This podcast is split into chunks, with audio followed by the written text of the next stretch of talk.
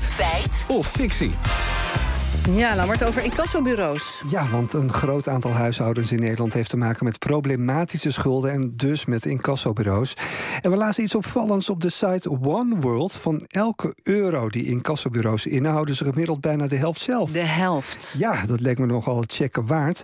Peter Heijn van Mulligen van het CBS vertelt hoeveel huishoudens kampen met schulden.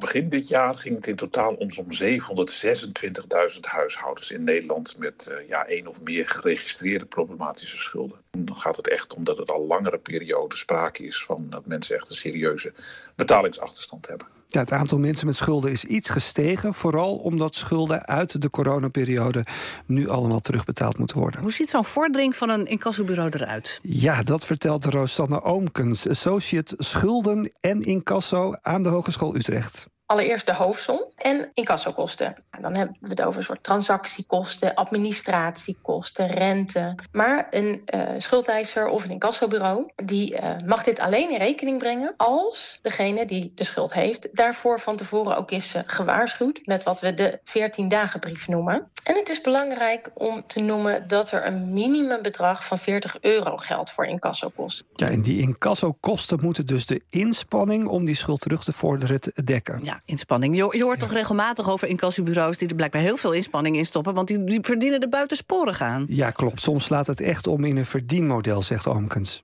Op het moment dat die inspanningen niet meer in proportie staan tot die incassokosten, dan kan je een beetje spreken van een verdienmodel. Stel dat je bijvoorbeeld een telefoonaanbieder hebt die niet uh, tientallen, misschien, maar misschien wel uh, duizenden of soms honderdduizenden te laat betaalde rekeningen heeft. En die meteen direct na de eerste dag dat die betaaltermijn is verlopen, gaan aanmanen. Nou, dan verdien je 40 maal die 100.000 niet betaalde rekeningen. En daarvan kun je zeggen, dat is niet waar die 40 euro in kassokosten voor bedoeld zijn. Zijn er eigenlijk regels voor? Ja, het is wettelijk vastgelegd hoeveel incassokosten je procentueel mag rekenen. Maar ja, zelfs dat minimale bedrag van 40 euro is soms discutabel, zegt Auke Schouwstra van de branchevereniging voor schuldhulpverleners. Is dat nou reëel uh, als het bijvoorbeeld een hele kleine vordering, uh, oorspronkelijke vordering is? Of als uh, al snel blijkt dat de betrokkenen eigenlijk helemaal geen geld heeft om deze schuld af te betalen. Ja, dan zou iemand beter af zijn met schuldhulp dan met een incassobedrijf wat door blijft duwen op een vordering die echt niet betaald kan worden. Ja, want dan stapelen schulden zich alleen maar verder op. Schouwstra ziet daarom meer in sociale incasso, waarbij je in kijkt naar wat iemand kan betalen in plaats van wat iemand moet betalen. Ja, waar baseert die site One World zich op bij de uitspraak dat een incassobureau de helft voor zichzelf houdt? Ja, de site verwijst naar onderzoek van SIO, economisch onderzoek. We vroegen onderzoeker Nart Koeman hoe het zit. De gemiddelde bruto winstmarge is 46 procent, maar de winstmarges verschillen sterk. Het gemiddelde zegt dus niet zoveel. Ook spreken we over de bruto winstmarge en niet over de netto winstmarge.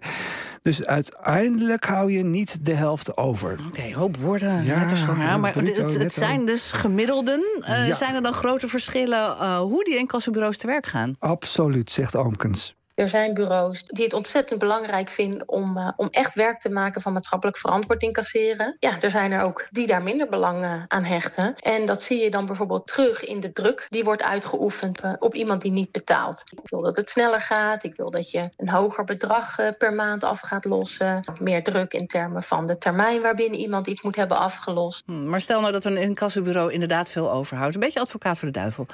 Zou het erg zijn? Nou, voor die incassobureaus niet, maar toch moet je het niet willen, zegt Oomkes. Als je kijkt naar de omvang van, uh, van schuldenproblematiek in Nederland...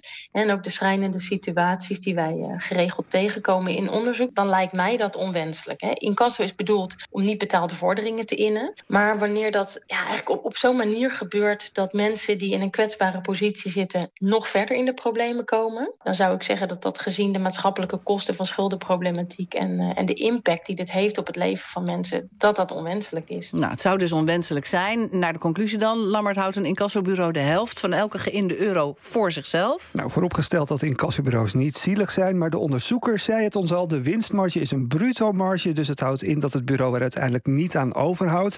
En het is ook nog eens een gemiddelde, dus het is fictie.